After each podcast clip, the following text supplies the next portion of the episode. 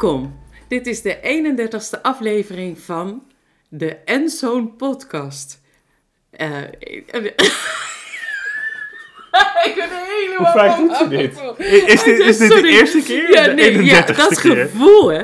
Nou, ja, ik ben gewoon... ik ben gewoon... Nou, vorige week is het allemaal niet doorgegaan. Nee. Dat was allemaal niet erg. Nee. Nee, maar we hadden een verrassing. En die verrassing ben jij. Ben ik? Ben ik een verrassing?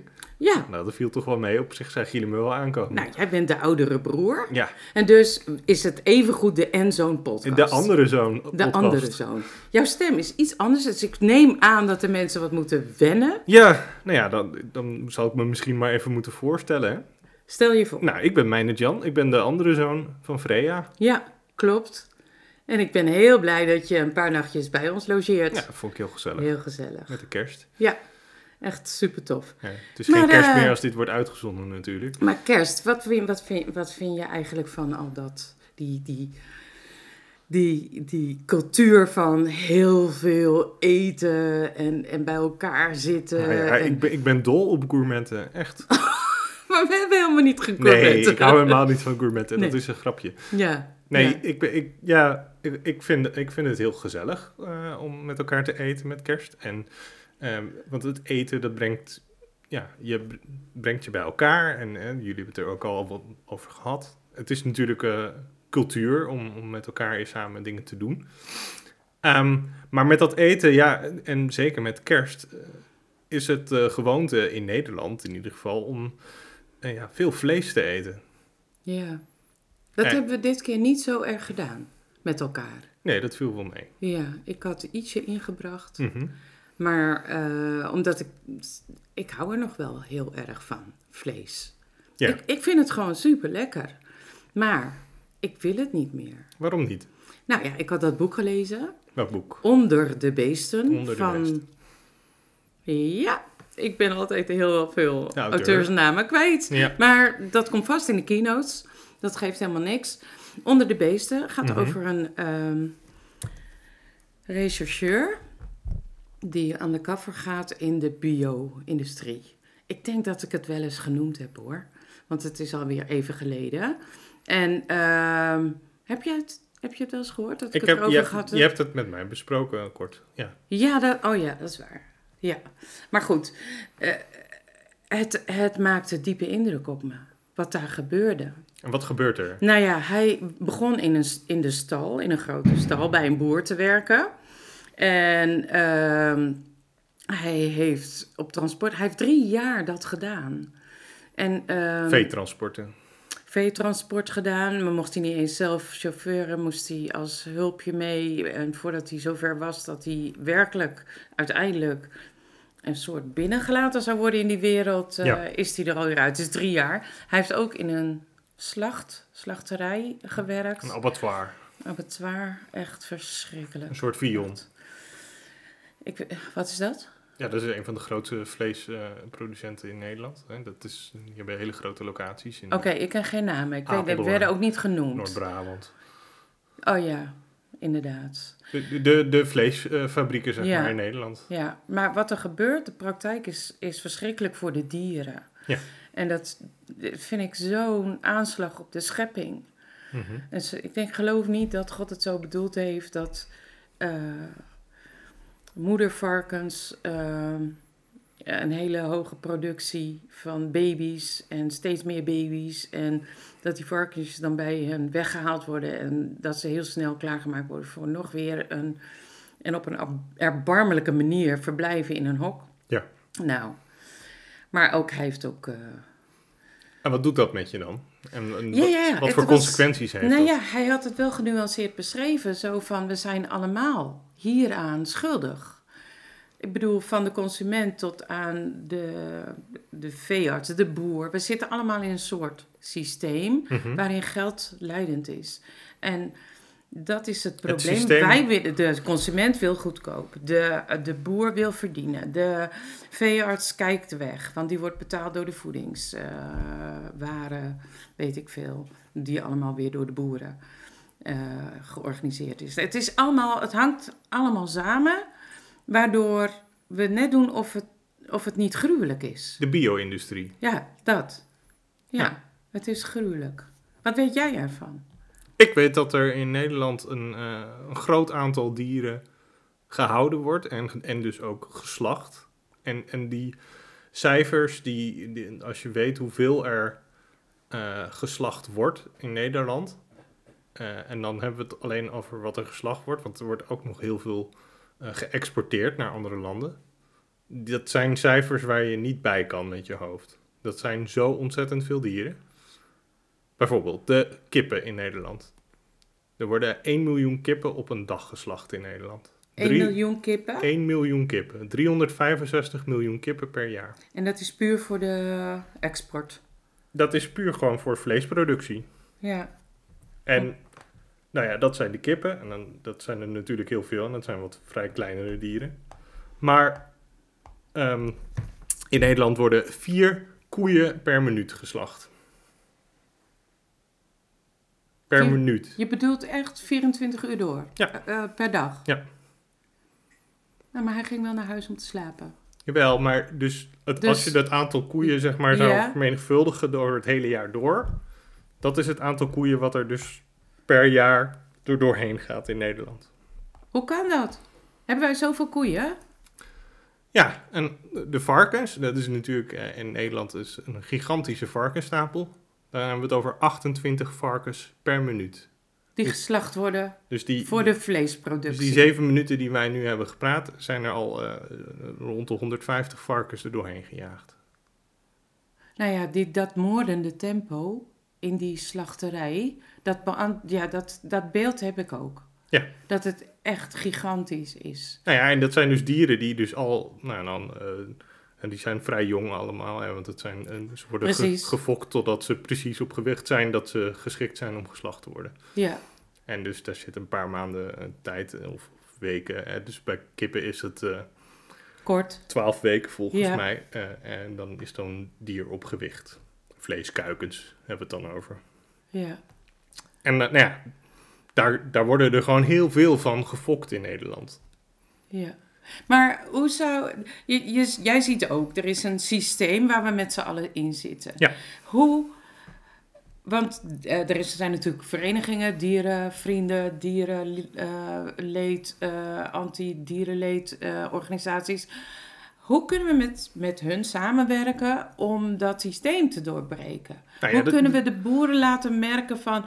we willen dat jij ook een goed inkomen hebt... maar eh, we willen dat je je methodes verandert. Nou, het Hoe kan dat? Als we teruggaan even naar het systeem. Het systeem is de bio-industrie. En inderdaad, er is een vraag, sprake van vraag en aanbod. Hè, dus de, de, wij willen vlees eten. Wij willen graag vlees op ons bord. Dat is de reden ook, een van de redenen, dat er zoveel vlees geproduceerd wordt in Nederland.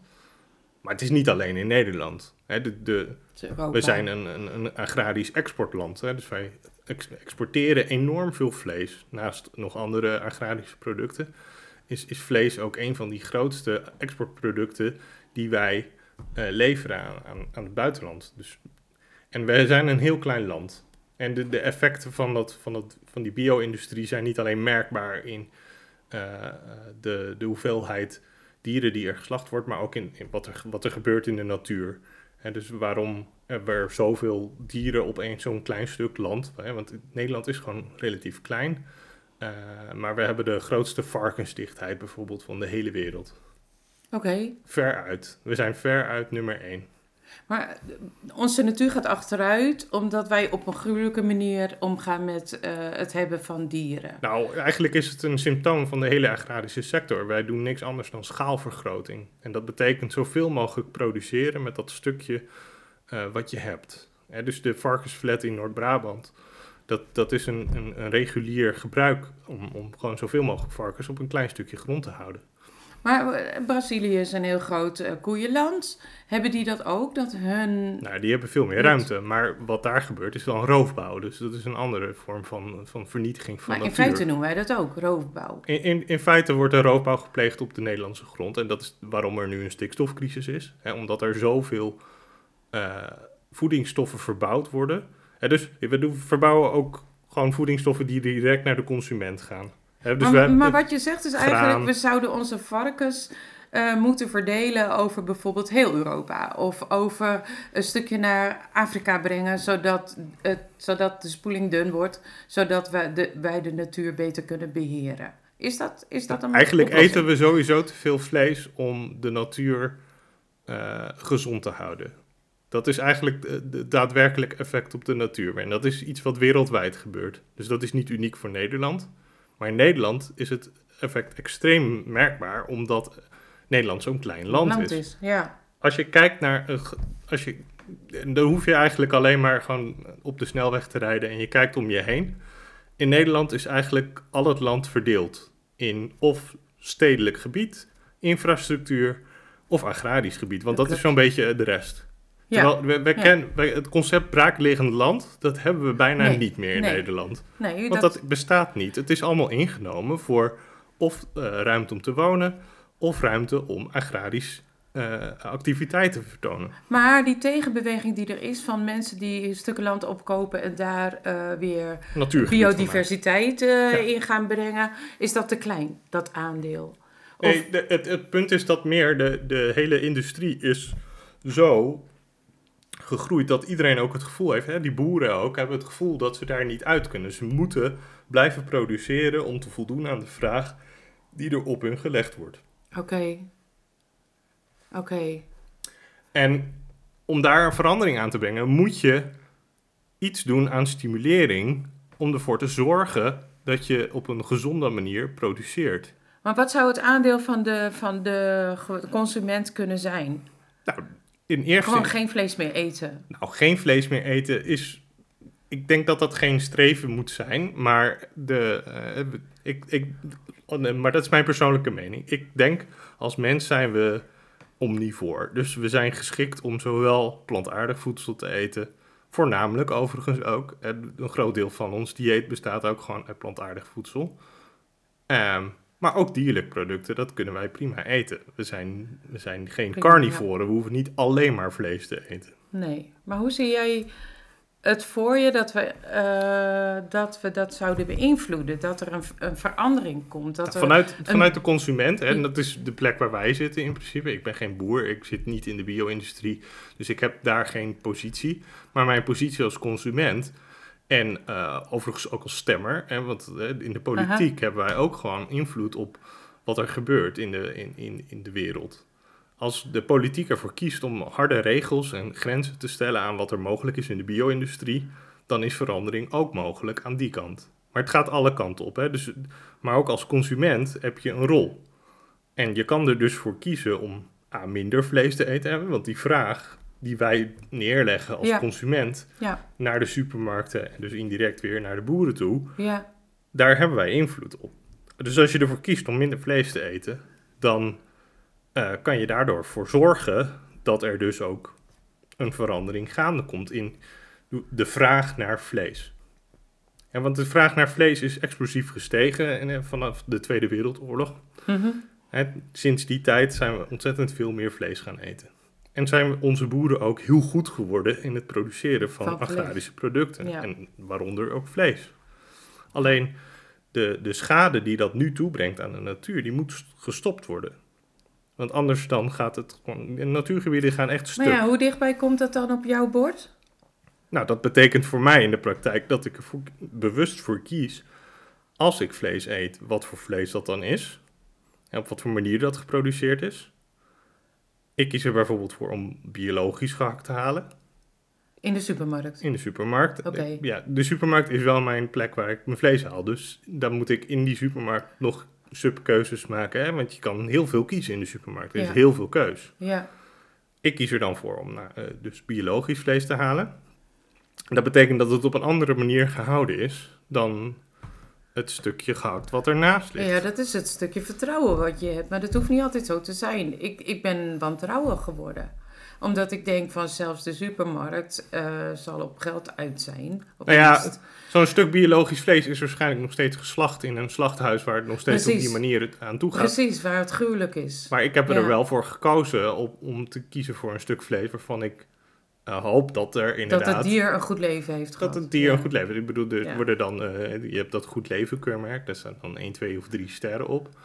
Eh, biologisch vlees is eigenlijk vrijwel altijd Maar je standaard. had het gisteren bijvoorbeeld zelfs over sterren. gestreste zalm. Ik had zalm... Ja, nee, dus, maar zalm heeft dan geen keurmerk voor, voor beter leven, want dat doen ze niet. Want het, het is in principe gericht op de agrarische sector. En zalm valt buiten de agrarische sector. Dat, Ja. is, eh, dat is de visserij. ja, Dat wordt weer door andere regels gereguleerd. En bovendien wordt de zalm over het algemeen uit Noorwegen gehaald. Ja, dus in en Noor- Noorwegen, daar zit wakkerdier niet. maar daar zijn ze ook uit op productie. En Daar zijn ze ook uit op ja, productie. En Ja. eh, ja, die Maar ik dacht altijd, met vis zit ik wel goed. Dat, Ja, maar de, het punt is, de vis die je koopt is waarschijnlijk niet zo duur. En dat heeft te maken met het feit dat het gekweekt is. ja, En gekweekte vis is ook gewoon eigenlijk een productiemateriaal in, De in- in, stressvis. Europa. Dus de stressvis, ja. Eh, De, de gedeprimeerde zalm is wel eigenlijk een concept wat echt bestaat. ja, nou, ik begin gaandeweg ietsje bewuster te worden van, van al deze dingen. Dus ik vind het dus heel lastig om mezelf ertoe te zetten om te gaan zien van... maar hoe kan ik nou een goed voedingspatroon opbouwen voor... Hè, ik ben al aan het ouder worden. Hoe kan ik ervoor zorgen dat wij niet ziek worden? Eh, eh, in die zin dat we eh, producten eten die bijvoorbeeld gegroeid zijn op een stuk land waar nooit rust is. Want dat gaf je aan, hè? Er wordt nooit braakliggend land. Nee. Terwijl God dat z'n- in de Bijbel al opgedragen heeft om elke zevende jaar een, een stuk land te laten liggen, een jaar lang. Dus dat gebeurt hier gewoon niet. Dus wat kan, wat, wat kan ik doen om ja, echt verantwoord te eten? Of is dat onmogelijk? Is Nou ja, je kan nooit 100% zeker weten. Dus als ik een stukje biologisch vlees koop, dan ga ik ervan uit dat het biologisch gehouden is. En biologisch houden van, van dieren is in Nederland, daar zijn regels aan verbonden. En die regels die staan ook eh, vastgelegd. Dus het is niet zo dat, dat, eh, dat zo'n boer daar heel makkelijk omheen kan. Nee, oké. En de reden dat biologisch vlees, bijvoorbeeld- want dat is gewoon duurder, hè? De, laten we wel eens. Biologisch vlees is duurder Ja, dan ander vlees. Biologische melk is duurder dan andere melk. Ehm, bij, bij zuivel zal je het minder merken, want de prijsverschillen zijn daar een stuk kleiner dan bij vlees. ja. Als, als ik biologische kip koop, dan kan ik daar eh, voor volgens mij voor 200 gram, daar betaal je dan bijna 8 euro voor. Oké. Ik heb het niet gekocht, ooit. Nee, maar Nee. bi- biologische kip is heel duur. Oké. Ehm, Dus dat is ongeveer de richtlijn waar je wel aan kan zien van... hé, hey, dit komt bij... nou, het, de reden dat het heel duur is, is dat namelijk eh, veel minder efficiënt gehouden wordt, zo'n dier. Ja, ja, ja. Wat ook de bedoeling is natuurlijk gewoon. Nou ja, het idee, Ja. het idee is dat je de natuur wat meer de ruimte geeft. Ja, hè? precies. Dus, en dat zo'n koe wat vrij kan rondwandelen of dat een kip daar eh, vrije uitloop heeft. Hè? Want dat zijn natuurlijk de... Maar echt vrije uitlopen. ja, echt vrije uitloop. Hè? Er zijn natuurlijk regels voor en je hebt ook gewoon vrije uitloopkippen. En, je hebt, eh, en in Nederland is het heel lastig omdat er een epidemie gaande, in, epidemie gaande is van, van de vogelgriep. Waardoor vrije uitloop vrijwel eigenlijk niet meer mogelijk eh, eh, was een paar jaar lang. En dit was tegelijk met corona. Konden die kippen konden niet naar buiten eigenlijk. Dus dan konden ze ook die drie sterren niet krijgen. Oké. Ehm, en dat geldt dus ook voor eieren en al dat soort producten. Ja. Eh, het, is, het, is, het is een poging, hè, dus die, zo'n, als je ervoor kiest om dan dat keurmerk aan te houden met een beter leven, dan ga je ervan uit dat die beesten een beter leven hebben gehad. En of dat dan ook daadwerkelijk betekent dat de natuur in die na- nabije omgeving er beter aan toe is, ja, dat kan je niet zeker Nee. weten. Maar Nee. de Maar, manier van ja. agrariër zijn op een biologische manier is anders. Ja. En ehm, het gaat ook met name om die mindset van hoe zorg ik ervoor dat het leven wat er om die boerderij heen is, gerespecteerd wordt op een eh, enigszins diervriendelijke manier. En, en kijk, een echte eh, vegetariër of veganist die zal zeggen dat het nog niet genoeg is. En dat, er, dat we gewoon moeten stoppen met het eten Exact. van vlees Ja. of dierlijke producten. Ja, exact.